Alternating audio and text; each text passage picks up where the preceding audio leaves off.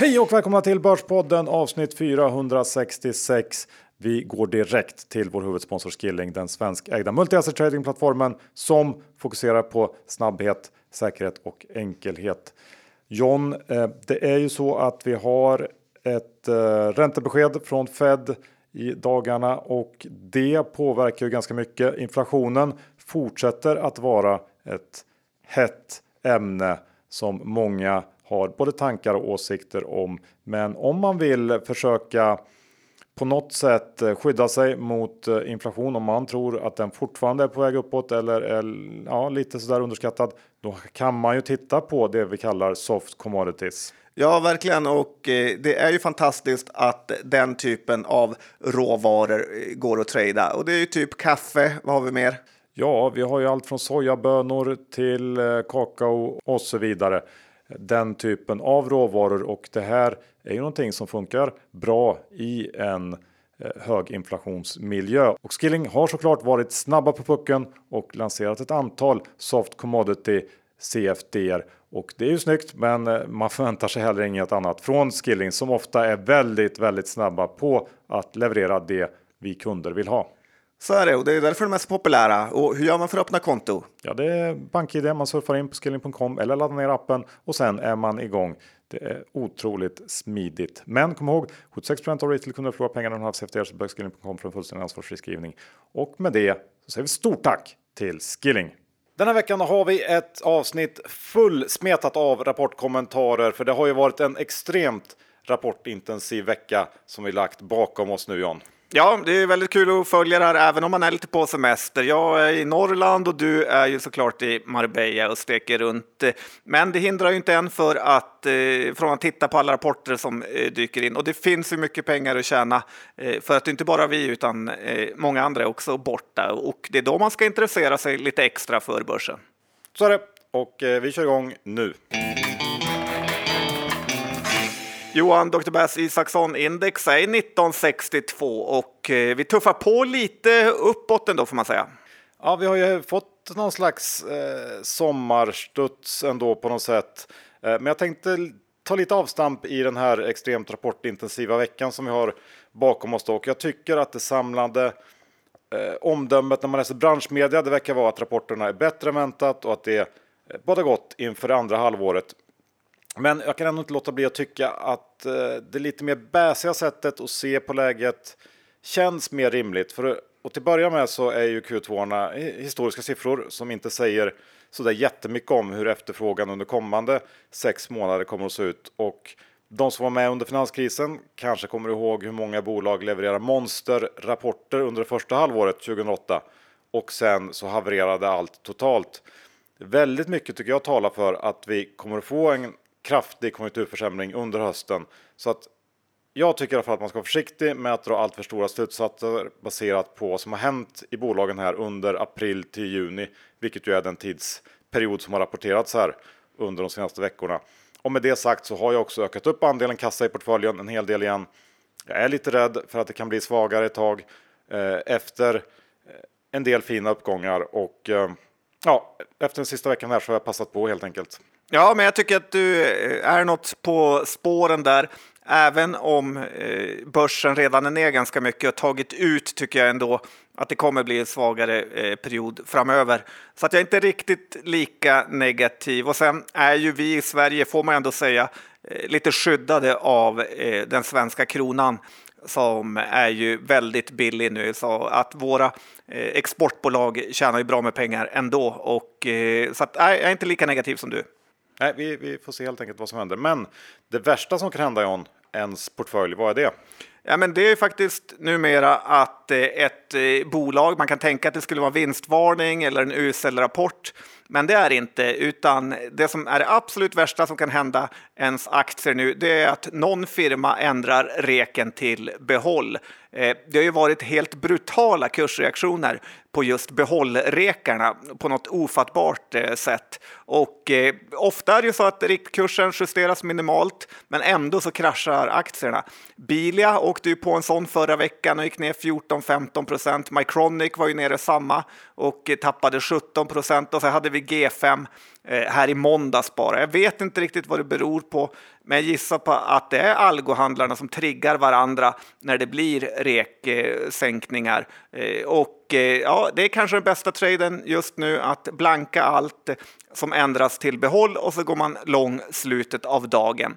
För då brukar det studsa upp eh, nästa dag. Det är en kanontrade eh, faktiskt just nu. Ja, bra spaning tycker jag.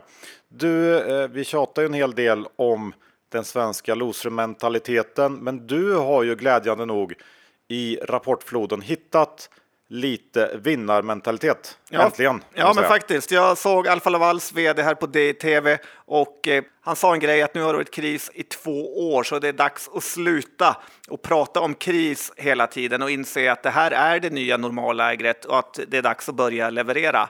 Och jag kände här att det var en stark vinnarmentalitet här eftersom man är så extremt trött på alla bolag som använder den här krisen till att skylla ifrån sig när de är dåliga. Det här är världen och ibland är det leveransproblem, ibland är det konflikter, ibland värmeböljor och ibland pandemier. Det går inte alltid att skylla på något, utan man måste faktiskt bygga ett företag som kan hantera olika situationer.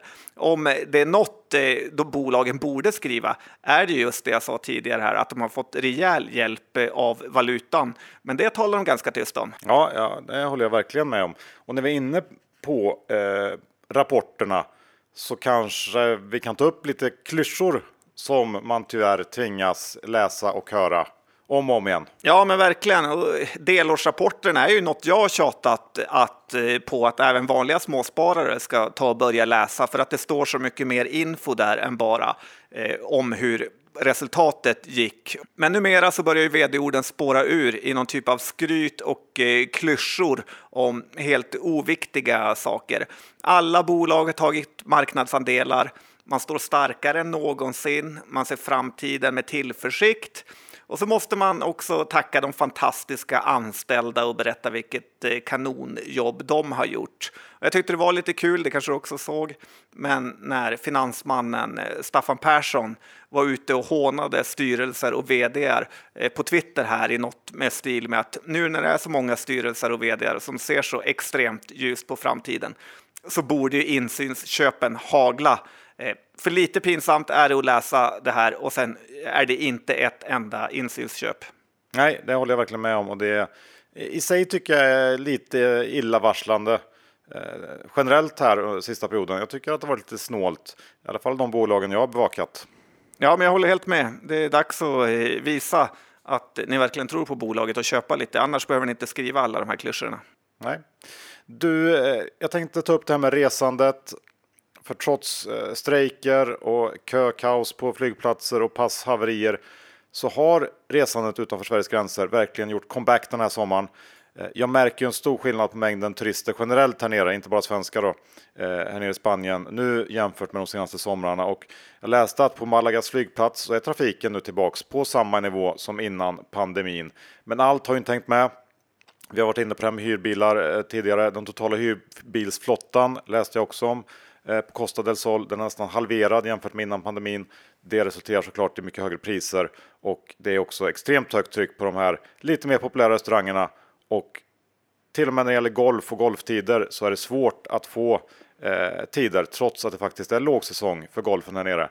Och jag tänker på något sätt att de här pengarna de måste ju tas någonstans ifrån eh, de här pengarna som alla folk lägger på eh, turistandet och eh, det i kombination med Eh, Eh, att allt blir dyrare. Jag vet inte, jag känner bara att eh, det borde ta slut någonstans och eh, att det borde märkas på efterfrågan.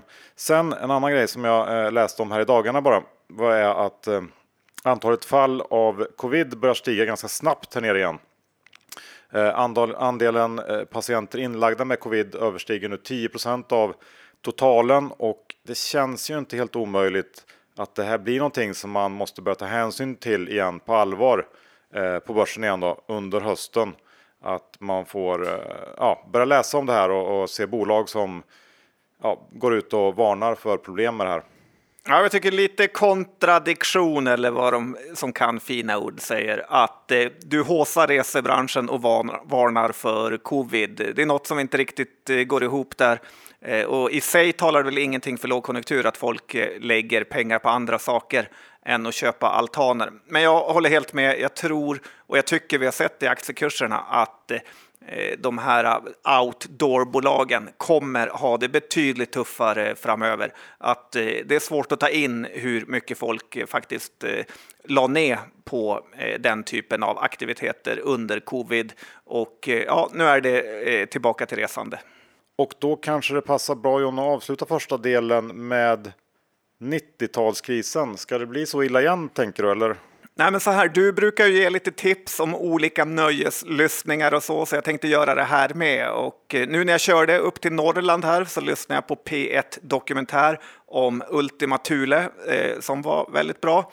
Och eh, jag ska inte säga något om den, men det här var ju på 90-talet och då påminns man om den krisen. Och den var ju inte gosig kan jag säga. Det finns ingen kris efter den som har varit ens i närheten av den bäsen och undergångskänslan som var då. Och eh, jag tror vi blivit lite bortskämda med att kriser ska vara korta, gå fort över och sen ska det bli bättre direkt efteråt utan att det egentligen kostar något. Och eh, 90-talskrisen var ju helt brutal och jag känner ändå en liten, liten oro för att det skulle kunna bli så enormt mycket värre än vad man kan tro.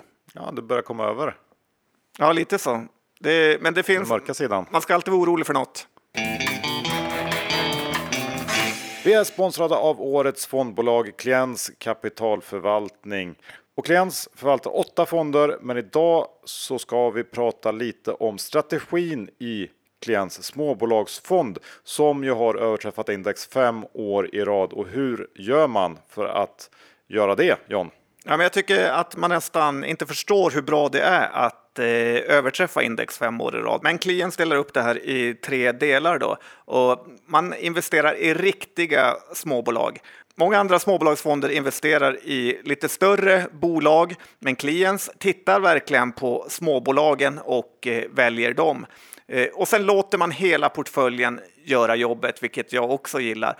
Många fonder placerar ju upp till 10 procent av fondens totala värde i enskilda bolag, men Kliens småbolag är betydligt mer likaviktad och det gör ju att alla bolag i portföljen arbetar för att skapa avkastning istället för att man behöver hoppas på enskilda bolag. Och sen så, det kanske du gillar mest Johan, det är att man undviker förhoppningsbolag. Ja, verkligen.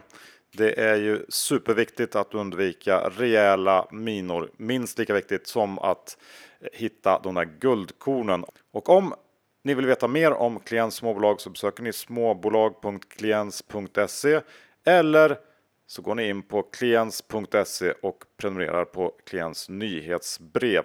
Men kom ihåg, historisk avkastning är en garanti för framtida avkastning. Pengar som placeras i fonder kan både öka och minska värde och det är inte säkert att få tillbaka hela det insatta kapitalet. Och med det så säger vi stort tack till Klients kapitalförvaltning. Då är det dags att snacka rapporter och jag tycker att vi ska börja med rapportperiodens enligt mig starkaste rapport. Du pratade om Proact som starkast förra veckan John, men jag tycker nog att Truecaller sopar mattan med Proacts Q2. Eller?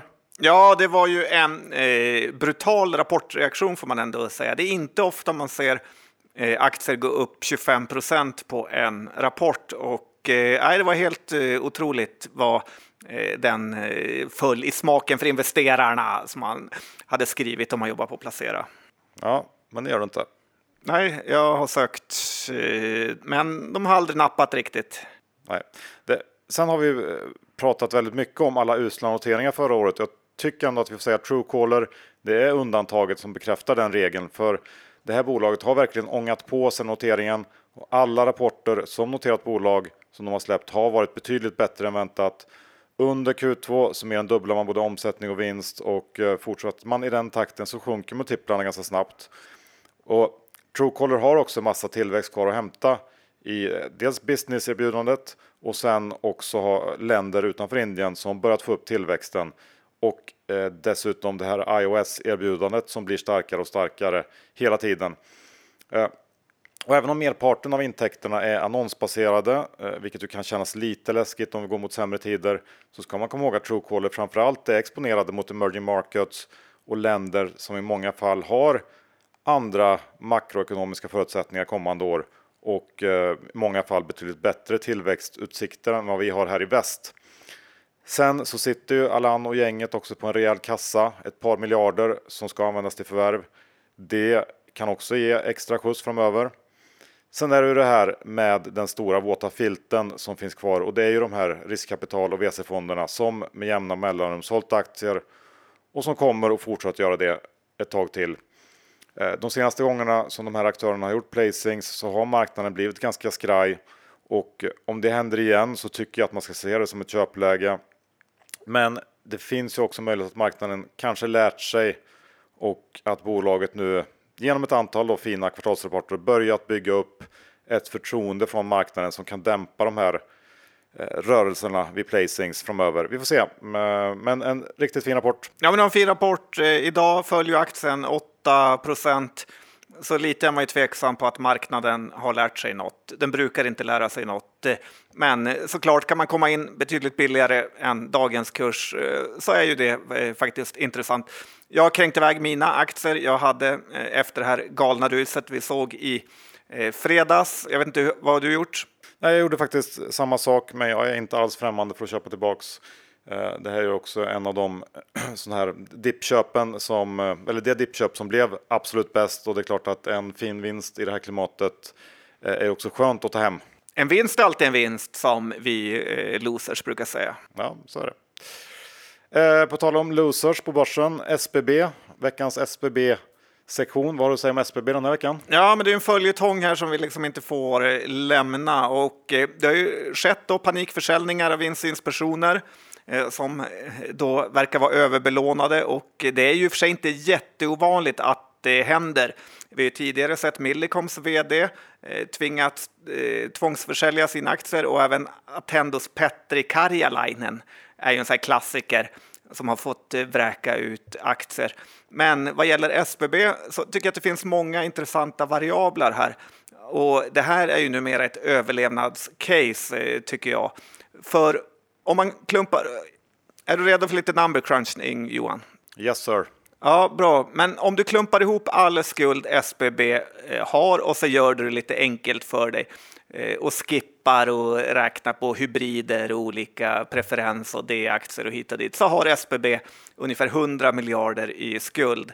Och om hela SBB skulle behöva omfinansiera sig till räntor idag på ungefär 6 procent som de fått låna till sista tiden så innebär ju det att de skulle behöva betala 6 miljarder per år i räntor, vilket nästan gör SBB konkursmässigt. Eh, men sen är det lilla finurliga det är att Ilja säljer fastigheter för att minska belåningen då, vilket är smartare än man kan tro. För när han får loss en miljard för en såld fastighet så använder han den då till att köpa tillbaka obligationer som nu handlas i 30-40 procent av det nominella värdet eftersom dels har marknaden tappat förtroende för SBB men eh, räntorna har ju också skenat vilket naturligt eh, sänker värdet på sådana här obligationer.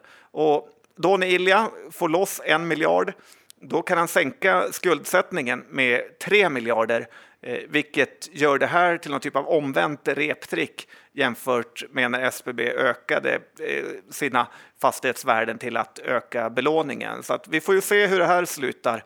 Eh, det ser ju ganska mörkt ut, men Ilja har ju verkligen inte gett upp och jobbar ju sig tillbaka på alla sätt och vis. Det är ett spännande spel som pågår i SBB och um, jag har ingen stark åsikt. Jag vet inte hur mycket han kan köpa tillbaks på sådana där låga nivåer i och för sig. Är det så mycket? Eh, det är väl det som är problemet, att det inte finns eh, jättehög likviditet i de här obligationerna. Eh, men det är ändå ett smart sätt, tycker jag, att köpa tillbaka skuld billigt. Det får du ändå ge han. Ja, verkligen. Och jag är helt med på din linje om att han absolut inte har gett sig, har gett sig och han kommer ju säkert kämpa med både näbbar och klor här under eh, hösten och andra halvåret för att eh, ordna upp det här så gott det går. Så det, det, får vi fortsätta följa helt enkelt. Och någonting annat som vi ska följa upp Jan, det är ju Sinch och deras Q2. Ja, verkligen. Det var ju också en sån här eh, sinnessjuk reaktion där. Jag messade dig på kvällen eh, när vdn fick kicken att eh, öppnar ner minus 20 procent, eh, stänger plus. Och det var ju typ det som hände. Jag har ju fått för lite cred för det. Ja, Ja, det har du fått för lite cred för. Det, har väl inte, ja, det är från mig i princip då, som du skulle kunna få cred. Ja, men sån är jag. Jag håller inom mig. Ja, det höll det. Fram tills nu då. Ja, fram till nu. Nu kom det ut. Kunde inte hålla mig längre. Nej, men då, man var inte så tuff där kvällen innan helt enkelt när vd Oskar Werner fick gå med omedelbar, omedelbar verkan. Och jag får säga att det i sig är helt rimligt att han fick gå efter det här totala haveriet det senaste halvåret, året. Eh, man har förvärvat för mycket, för snabbt, för dyrt och gjort det för dåligt helt enkelt. Så det är inget snack om att Werner förtjänade kicken. Men det man blev lite rädd för när den här nyheten kom ut var ju att det skulle finnas ännu mer skit samt att rapporten eh, skulle vara riktigt, riktigt ruggig. Eh, men inget av det visade sig ju riktigt stämma. Rapporten var såklart inte bra, men den var i linje med förväntningarna när det gällde omsättning och resultat. Och framförallt så var ju kassaflödet starkt. Det pratade vi om förra veckan som den viktigaste punkten i och med den här blanka rapporten. Ehm, så där tycker jag att det var ehm, mer än godkänt eller mer än vad man kunde förväntat sig kanske. Och eh, bolaget passade också på att lansera ett stort kostnadsbesparingsprogram på 300 miljoner kronor och sen då så går den här Johan Hedberg som är en av medgrundarna in som interims vd. Och sammantaget så tycker jag att eh, Sinch i och med de här åtgärderna tagit flera bra beslut, men man skulle såklart gjort det mycket tidigare. Nu har ledning och styrelse en rejäl uppförsbacke och vad man ska tycka om aktien blir väldigt mycket en det beror på fråga. Får man ordning på kostnaderna och lite fart på tillväxten igen så går det att se en fin uppsida här. Men om inte så har vi den här stora, ganska läskiga nettoskulden. Den kommer bli ett problem. Så att, eh, jag vet inte, jag har tagit av en, en hel del av min position här, men jag behåller eh, en del också i hopp om att kanske lite blankare kan börja ta in aktier. Det verkar inte som att de eh, är så där jätterädda, så att jag vet inte riktigt. Eh, och jag gillar inte heller det vi var inne på tidigare här med insynsköp. Inga insynsköp, eh, vad jag har sett i alla fall från styrelse och ledning. Eh, det tycker jag att man borde gå ut och göra nu om man har det minsta lilla tro på att man ska kunna vända det här. Eh, men den frånvaron av köp, ehm, den signalerar väl snarare det motsatta. Så att jag är besviken på det måste jag säga. Ja, men jag, exakt. Eh, jag trodde nästan att vansinnesuppgången i fredags berodde på att insiders inte kunde få nog av aktier och bara ville vräka in och köpa. Nu verkar det inte ha varit så och det är en enorm besvikelse. Eh, kanske därför också aktien har tappat de eh, senaste dagarna här. Nettoskulden mycket läskig och eh, nej, jag är inte riktigt imponerad här av eh, Sinch-gänget eh, faktiskt. Eh, jag skulle vilja säga mer. Jag har sålt kanske 80 procent av mina aktier. Eh, nu så att, nej, jag har gett upp lite, även om jag inte gett upp helt. På det positiva får man ändå säga att Ericsson eh, fullföljde fullföljde sitt köp av Fonage här och det var ju på kurser, när de la bud på Fonage så var ju Sinch i 140 kanske och då la de ett premiumbud på Fonage. Så att det här är ju en verksamhet som borde ha ett ganska så stort värde när den fungerar. Så får de ordning på grejerna så är det här en aktie som verkligen skulle kunna eh, gå ordentligt flera gånger från eh, dagens nivå och det borde ändå finnas andra budgivare kan jag tycka. Ja, möjligt. Tyvärr så tror jag att Ericssons Fonage köp eh, mer visar på deras uselhet än eh, att marknaden har fel vad det gäller Sinch.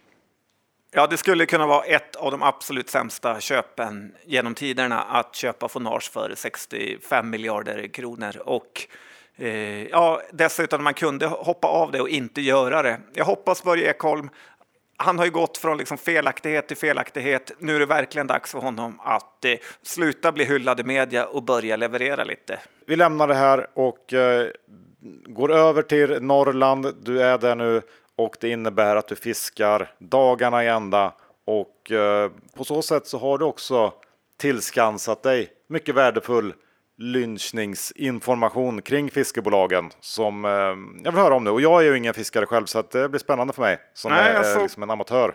Det är du Johan. Här är du med storfiskarvalsen. Ja. Men eh, har man Tore Skogman i släkten så Eh, är det så. Jag, jag såg också att jag blev hånad på Twitter för att jag plockar bär. Jag vet inte riktigt varför. Jag tyckte att det är ganska bra att plocka bär. Men, men, nu tycker jag att vi ska titta lite på fiskebolagen här som de var ju verkligen coronavinnare och är väl lite så här småstolt över den här makalösa reken jag gjorde på Rappala som jag gav i början på pandemin via en sån här klassisk lynchning och säga att det var mycket folk i fiskebutikerna. Aktien har ju gått från då pandemins början från 2,8 euro till 10 och sen nu är den nere på 6 ungefär. Och eh, Rappala tvingades vinstvarna för Q1 och sen Q2 som kom nyligen var ju också betydligt eh, sämre än förra året. Eh, lagret är upp, försäljningen ner och eh, det kommer också vara en ganska tuff period närmsta året för Rappala. Söder Sportfiske är ju faktiskt i en liknande situation här. Och det är väl bara att inse att det var lite av ett skämt när aktien handlades i 75 kronor på toppen. Eh, de har ju samma problem som Rappala här med minskad organisk försäljning, ökat lager och minskad vinst. Och jag tycker nog när man tittar på siffrorna här att eh, Söders Sportfiske fortfarande är övervärderat trots att aktien är sub eh, 40 eh, faktiskt. Och det var väl också en sån klassisk coronanotering får man ändå säga och kommer ha en ganska lång svag period framför sig. Dessutom köpte man ju onlinebolaget Fishline på absoluta toppen här. Eh, så att det är inget bottenfiske här. Har du Nej, humor Johan? Det kul. Det var kul. Ja, Tack en, för den. Det är kul när man eh, kan okay, att, riva. Nej, men en, en grej till. Ja. För det finns ju ett amerikanskt bolag som verkligen jätte som heter Newell Brands och de äger det här Abu Garcia som du kanske känner igen trots att du inte är fiskare. Men det är ett jättebolag i USA som är mer en typ av Dometic, Phoenix och eh, andra outdoorbolag och det värderas till 80 miljarder kronor. Eh, tickern NVL här och det är de som gör det här draget droppen som man använt sen var man, sen man var barn och fortfarande är väl kanske det bästa allround-draget. Där ser man. Ja, det var ju matnyttigt, men eh, kontentan var då helt enkelt att eh, det är för tidigt att fiska i fiskebolagen. ja, du gör comeback där Johan. Men helt rätt faktiskt. Jag tror ändå att det finns mer nedsida. Du nämnde ju resande tidigare. Det här kommer slå mot eh, fiske. Det var nog många som inte hade fiskat förut som började och eh, ja, en tuff period framför dem. Jag finns ju kvar i och för sig. Jag kan börja. Ja, men du är mer av en pimplare. du, eh, Nordnet då? Är det läge att fiska där? Eh, jag blev lite kränkt när jag läste Nordnets eh, rapport här faktiskt. Det är det svenska nätmäklaroligopolet och Nordnets rapport var ju också såklart mycket sämre än förra året, men ändå helt okej okay, får man säga. Och man får nästan säga att nätmäklarna numera är någon typ av derivat typ en hävstångsprodukt på hur själva börsen går. Stark börs, lika med bra vinster, svag börs, lika med sämre vinster. Eh, men det som slog mig i rapporten här var ju hur vdn pratade om hur mycket högre räntor faktiskt skulle gynna Nordnet. Uppemot 600 miljoner skulle de tjäna eh, fram emot 2023 och eh, när det har varit nollränta som det varit nu under en period så har man då gått i princip even steven på den här överskottslikviditeten. Men nu ska man alltså börja tjäna ganska så stora pengar där. Och jag tyckte att det stod inte ett ord om att man kanske borde ge tillbaka något av det här till kunderna som faktiskt äger överskottslikviditeten med den här högre räntan, utan istället så fick man en så här rejält eh, storbanksroffarmentalitet av det här vd-ordet. Och eh, det är inte riktigt det man hade hoppats på skulle komma från småspararnas bästa vänner som nätmäklarna kallar sig. Nej, eh, det ligger väl någonting i det. Plus att det finns ju en annan aspekt också av högre räntor och det är ju i alla fall från det läget vi går nu, det är ju att börsen eh, har ju gått sämre och kommer säkert gå sämre om räntorna fortsätter upp. Så att då, då tappar man ju liksom på det andra benet, så jag vet inte riktigt vad eh, nettot blir där. Inte Nej, helt men... övertygad om att det är så positivt för dem.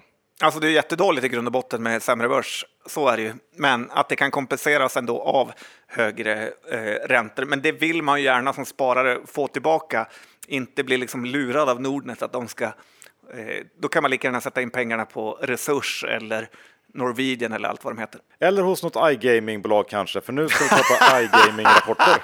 Ändå sparekonomen Johan Isaksson. Eh, all överskottslikviditet till betting. Man kan ju vinna jättemycket på spel. Kommer du ändå ihåg den klassikern när eh, Shakarabi var i podden och jag försökte pranka honom och säga det här med att eh, det var dumt med ett insättningstak för då kunde man inte vinna tillbaka det man hade förlorat. Nej, den poletten trillade inte riktigt ner. Nej, han rörde inte en min då och så sa han bara det är det som är meningen. Nej, Nej, då rev jag inte. Nej, det händer titt som tätt. Men John, eh, störst går först som jag brukar säga. Ja, det har du sagt en gång. Ja, och Konstig eh, stämning då nu. Såklart Evolution som jag tänker på. Som Ja. vanligt så, så är ju förväntningarna höga när Evolution rapporterar och eh, deras Q2 kom väl in mer eller mindre som förväntat. Eh, aktien tappar ändå på börsen. Eh, I stort ett ganska odramatiskt kvartal tycker jag. Man ska komma ihåg att jämförelsetalen var extremt tuffa här för alla spelbolag. Eh, Q2 förra året var jättestark. Eh, Evo upprepar marginalguidningen och eh, om man ska plocka fram någonting eh, positivt så var väl det att tillväxten i USA var starkare än väntat och det innebär ju också att den här reglerade delen av intäktskakan den växer. Eh, men som sagt, i stort en väldigt odramatisk rapport och 2021 blir ju någon slags baksmälleår eh, efter pandemin som många bolag i sektorn måste kämpa sig igenom. Och det eh, märks ju inte minst om man tittar på Kindred och deras eh, Q2. Eh, där har ju Kindred förutom då tuffa jämförelsetal också nedstängningen i Nederländerna som påverkar väldigt kraftigt under Q2. Kindreds rapport var heller inte särskilt bra. Svag topline eh, och ett eh, resultat som minskar med nästan 80% jämfört med förra året. En liten förlåtande detalj när det gäller Kindred är väl också att sportkalendern var betydligt starkare förra året. Du har varit inne på det här tidigare John. Vi hade herrarnas fotbolls-VM eller EM i juni och eh, i år har vi istället VM i Qatar under Q4, så att det kanske kompenseras lite där. Eh, men tittar man på starten av Q3 så har kvartalet börjat med intäkter som ligger 24 under snittet för Q3 2021. Och eh, om man justerar bort Nederländerna så är det 3% lägre. Så att det går lite trögt. Och just återöppningen i Nederländerna, att den blir bra och att Kindred snabbt tar tillbaka marknadsandelar, det kommer ju vara extremt viktigt för den här aktien under andra halvåret. Jag tycker det är svårt att dra några jättestarka slutsatser baserat på utvecklingen där sen starten 4 juli när de kom igång igen. Då har det dagliga snittet legat på 0,15 miljoner pund. Eh, många analytiker ser ut att ha ganska höga förhoppningar eh, på Nederländerna och att de snabbt ska komma upp igen på ganska höga nivåer. Jag tror att det finns en risk eh, för besvikelse där, vi får se. Men erfarenhetsmässigt så tar det ganska lång tid att få fart på nyreglerade marknader. Och lönsamheten är ju dessutom betydligt mycket sämre än när man väl kommer igång. Så att, eh, jag vet inte, jag är lite skraj för, för Kindred där. Dessutom så har man ju det här stora nya sportboksprojektet som kostar tid, resurser och pengar. Och eh, jag tycker inte att aktien känns särskilt intressant på de här nivåerna. Eh, och har svårt att se att, något annat än att det är lite budspekulationer som kanske gör att eh, Kindred inte tappat mer än vad de gjort i år. De är väl ner dryga 20 procent kanske. Ja, nej men eh, det skickade ju också ut något pressmeddelande där, eller om det var eh, rykten då att eh, Kindred har varit runt till i princip alla och försökt eh, fråga om de är sugna på att köpa Kindred. Och jag vet inte, du har inte nämnt Betsson än. Hade du tänkt säga något om dem? Ja, eh, Betsson eh, kom in starkare än Kindred tycker jag och eh, som vanligt får man säga att Pontus Lindvall är väldigt duktig på att hitta tillväxt på de marknader där den finns helt enkelt. Och på det sättet så är ju Betsson betydligt mycket mer snabbfotade än vad Kindred är. Eh, nu lyckas man pressa fram lite tillväxt under Q2 med hjälp av länder i Latinamerika, Östeuropa och Asien.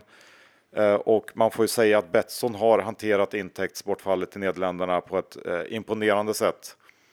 Och eh, om man jämför med, med Kindred inte minst. Nej, men jag fick känslan av att eh, eh, Pontus är ju otroligt, otroligt vass och att man är lite orolig för att Kindred är lite mer tjänstemannastyrt. Det är inte riktigt den här hungern som Pontus eh, alltid har.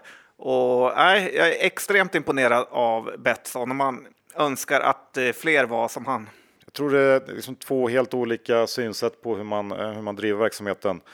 Kindred tror jag ser mycket mer eh, liksom det långa eh, loppet så att säga. Och eh, tyvärr kanske ibland, i alla fall för oss potentiella aktieägare, skiter lite grann i om, om eh, det blir något mellanår, men i Betsson så verkar det inte riktigt bli några mellanår, utan då fixar Pontus det. Och det gillar man ju. Eh, och den här förmågan att skydda intjäningen, den har också premierats på börsen i år får man säga. Betsson är ju upp runt, ja vad är det, jag tror 25-30 procent jämfört då med Kindreds tapp på 20 procent. Så att det här syns ju i aktiekurserna. Eh, ja. Och med det sagt så tycker jag ändå man ska vara ganska nöjd med årets utveckling i Betsson eh, om man är en Betsson-ägare. Det är svårt tycker jag att argumentera för så där jättemycket mer uppsida i den här aktien eh, givet liksom, sektorn i övrigt. Så att, eh, ja, jag tycker det är rimliga reaktioner i de här två bolagen sett under året som gått där. Ja, men det är kul. Marknaden har alltid rätt. Ja, nu John vill jag höra om Johns blankningscase. Du eh, är du lite, lite sugen på att börja jobba med PJ på en eh, hedgefond och få blanka och vara tuff ute i media och sådär. Det är du i och för sig ändå, men eh, Ja, men jag skulle vara fruktansvärt tuff om jag eh, var blankare. Och eh, ett bolag... Därför som har jag... du då förberett det här caset. lite, som en, lite som en audition. Ja, jag hoppas att eh, alla hedgefond eh, där hör mig och eh, blir lite småsugna. Ja, nej, men så här ett spännande blankningscase som jag har, hittat här. Det är ju det här i. Börjar inte så bra. det är ett spännande blankningscase som jag är så nervös nu Johan för att du har gjort mig det. Men det är ju en överhypad pandemianda här som jag tycker man ska gå mot eh, Apkopporna, jag vet inte om det har nått eh, Spanien än, men det är en ny pandemi som det snackas om dagligen här i svensk media. Och en som ett, och ett bolag som verkligen blivit vinnare på det här är ju det danska bolaget Bavaria som har gått upp med 134 procent eh, på tre månader. Och då är det inget så svenskt Odeon Park Lunda skräpbolag, utan Bavaria är ju värt 25 eh, miljarder danska och det är väl, ja vad kan det vara i svenska, men 5-6 tusen miljarder svenska kronor numera. ja, något eh, sånt. Ja, något i den stilen. Men EU och USA har ju totalt panikerat i den här apkopperfrågan och eh, man vill inte hamna i samma förnedrande sits som man gjorde under covid och har ju beställt eh, väldigt mycket vaccin då, om jag fattat det rätt, från Bavaria. Och jag tycker man ändå kan se på att alla andra covidbolagen nu när vi närmar oss lite normalitet här så har ju de kraschat. Eh, typ Moderna som var uppe i 450 dollar under hetsen står nu 165. Eh, så att det är nog ett ganska bra blankningsläge i Bavaria. Eh, det som talar emot är att det är bara 859 ägare hos Avanza och eh, det tyder lite på att toppen-gänget inte har hittat hit ännu. Moderna har nästan 4 000 aktieägare och förmodligen många fler när de var på toppen. Så att det finns risk att det blir värre hås här. Men jag tror ändå att man kan ta och förbereda en blankningsposition i Bavaria. Ja, men jag tycker att det är ett bra case John. Du får liksom en sån här guldbiljett och gå vidare till slutaudition på den.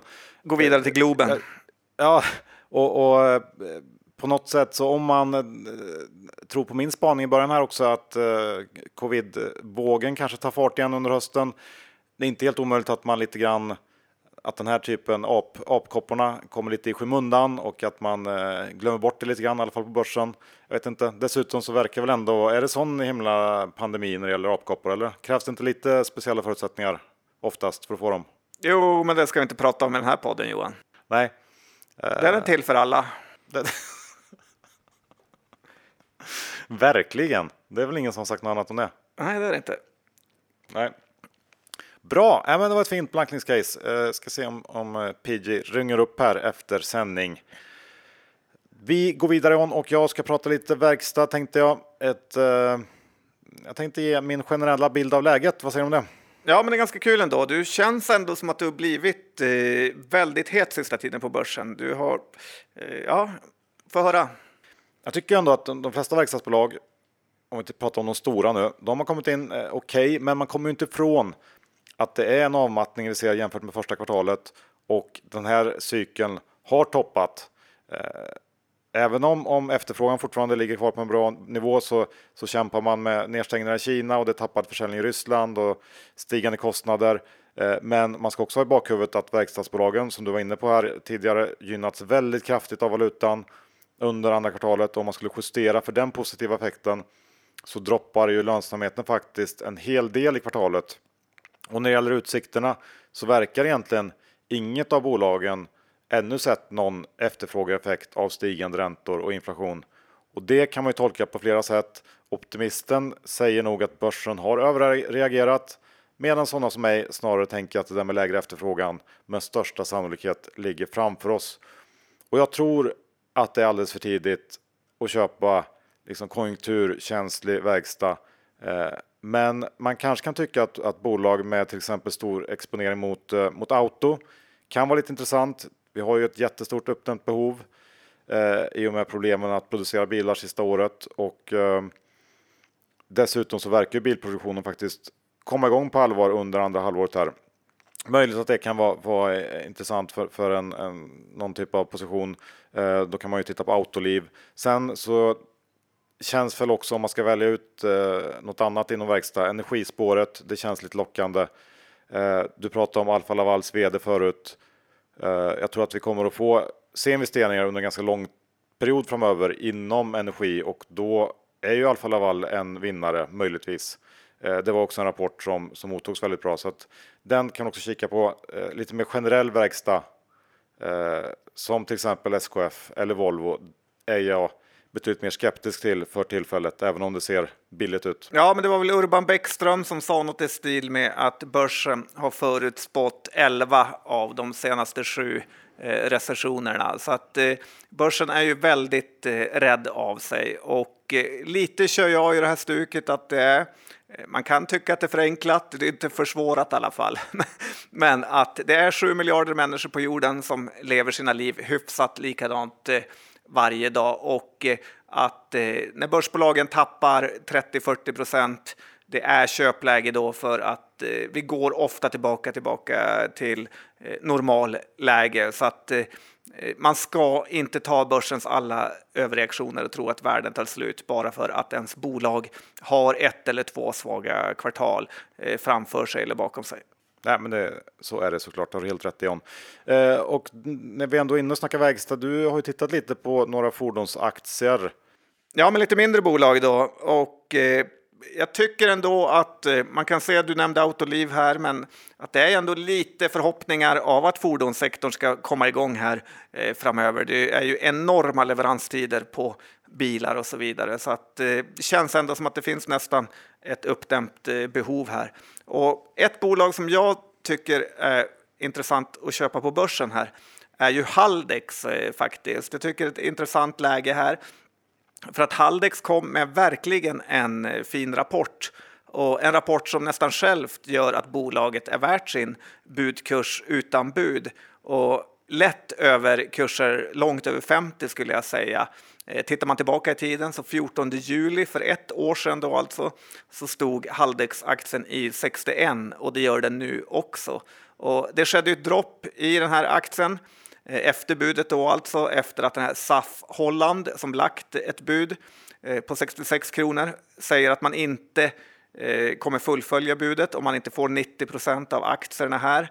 Och eh, det gjorde ju att aktien tappade från just eh, underbudet på 66 till nu 61. Och lite skulle man kunna säga att det är plocka smågodis framför järnvägsspåret. Känns något som du hade sagt. Eh, samtidigt är det över 8 procents avkastning nu på mindre än en månad om budet går igenom, vilket väl är liksom det absolut troligaste, för annars, annars hade kursen varit mycket lägre. Eh, SAF Holland har ju försökt två gånger att köpa Haldex och eh, man har ökat sitt ägande eh, och äger nu över 20 procent av aktierna enligt den senaste flaggningen här för typ en månad sedan. Så att det känns ändå jobbigt för dem att avbryta det igen, även om såklart risken finns. Och skulle det ändå avbrytas så tycker jag inte att det är någon jättekatastrof. Man kanske tappar 10-15 procent här, men chansen att det kommer ett nytt bud eller att bolaget tuffar på och blir värt mer. Jag såg att Alkur eh, var ju väldigt missnöjda med eh, det här budpriset och hade hoppats på bud kring hundralappen här. Så att, eh, jag tycker Haldex faktiskt är värt en trade, även om det såklart är hög risk. Ja, jag tycker att det var en intressant eh, tanke. Eh, behöver inte alls vara fel faktiskt. Tack Johan att du håller med om något här. Sen har vi VBG faktiskt. Jag vet inte om du kollar på den rapporten. Eh, nu får man ju ja, verkligen... Ja, du pratar som Per H eller? Eh, ja, nej men berätta först du. Ja, det är ett bolag från Västergötland så det passar ju bra. Vänersborg. Eh, men det här är ju, bolaget är ju ägt av en stiftelse och det märks verkligen på avkastningen och segheten eh, i den här aktien. Den har ju varit enorm och i grund och botten, ju längre man håller på med börsen så förstår man ju att det här bolaget kanske ändå ska värderas med en rejäl rabatt. För man kan aldrig få något bud. Bolaget har ingen större agenda av att gynna aktieägarna och ledningen köper aldrig aktier. Eh, ändå tycker jag bolaget tuffar på och är billigt här på 121 kronor. Det är under P10. Eh, men det är en så seg historia med låg likviditet så att vi kommer ju typ aldrig få se några fonder kliva in här. Eh, så att man kan inte vänta sig några underverk. Men det är en hyfsat bra swing trade och en aktie man kan ha i långportföljen här. Så jag tycker ändå att det luktar lite köpläge Även om jag inte har liksom dundrat in själv. Å andra sidan är ju Volvo liksom minst lika billigt. Jag vet inte riktigt uh, varför VBG skulle vara så mycket dyrare. Nej, jag gillar att jag så dundrade in så att det skulle ha någon betydelse om jag köpte några aktier. ja, men det är bra, bra eh, instick eh, bland lite mindre bolagen där. Och jag tänkte eh, avsluta för min del med att jag tittar lite grann på Hemnet. Känns lite oväntat ändå. Ja, jag tror inte vi har pratat om den. Eller jag har inte gjort det i alla fall. Vi kanske har sagt något ord, men. Nej, men inte någon riktig Johan Isaksson-aktie heller med P50 plus och eh, riskkapitalägt. Nej, och det var lite det jag skulle komma till. Att det kanske är lite fel. Att okay. det är 50 plus. Nej, men eh, i princip all högvärderad tech har ju kraschat, men det finns ju ändå en aktie som ligger kvar på i princip oförändrade nivåer i år och det är Hemnet. Eh, och det hade man kanske kunnat köpa om bolaget kom från ett tufft läge och nu hade man en jättefin skördeperiod framför sig.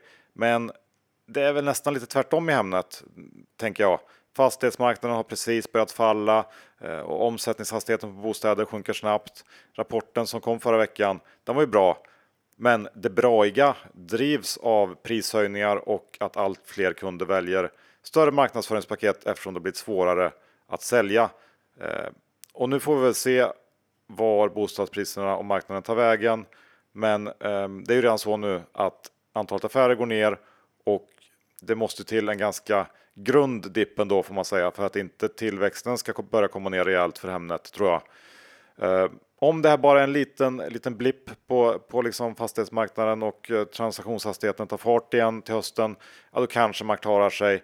Men jag tycker väldigt mycket talar för en betydligt svagare marknad här under andra halvåret och eh, då har jag svårt i alla fall att se eh, att fortsatta prishöjningar och tilläggspaket kan rädda Hemnet. Så att det här måste ju vara en solklar sälj. Ja, så finns det väl lite så placing möjligheter kvar. Jag har inte kollat eh, helt noga, men i stort så har ju de en fantastisk marknadsposition och tar man bort prislappen så här är det här ett bolag man skulle vilja äga på lång sikt. Eh, lite förstår man ju ändå, ändå det här att folk behöver köpa mer marknadsföring. Det snackades så mycket om hur mäklarna sålde hus innan visning och det räckte att vara på Boli hette det va och sådana grejer. Så att eh, nej, jag är inte riktigt lika negativ som dig här, utan jag gillar nog eh, Hemnet faktiskt. Ja, det gör du. Ja, men varsågod och köp då. Köp allt du kan. Oj, oj, oj, vad du? Ja, ja det ska jag göra. Ja, bra ska dundra in i den här aktien också. Kommer det inte vara så tuffa. Får se hur tufft det är sen. Vi avslutar med någonting eh, lite halvtråkigt kanske beroende på vilken läggning man har. Jag tänker på Infrea. Ja, Infrea, eh, hur mycket känner du till om det bolaget? Eh, oerhört lite. Det är anläggningar och eh, tråkigheter som de pysslar med. Ja, men helt rätt. Och eh, det är lite så här hopplock av bolag inom anläggningsbranschen. Och de kom ju med en, eh, får man säga, superfin rapport här för Q2 här. Infrea är ju också ett sånt här eh, fint eh, nypåhittat gruppnamn som används vid IPOer. Eh, för bolagen de äger heter ju typ så här Asfaltsgruppen och Anläggarteamet. Eh, och ändå skulle jag säga att det är sådana här bolag man ska hålla sig borta från om man vill slippa problem. Dels för att all vinst kommer under sommarhalvåret, eh, då det är lätt att göra sådana anläggningsjobb eh, som inte går på vintern. Och det är bara att titta på NCC här eh, och se hur vanligtvis den här businessen är väldigt ja, av låg marginalkaraktär.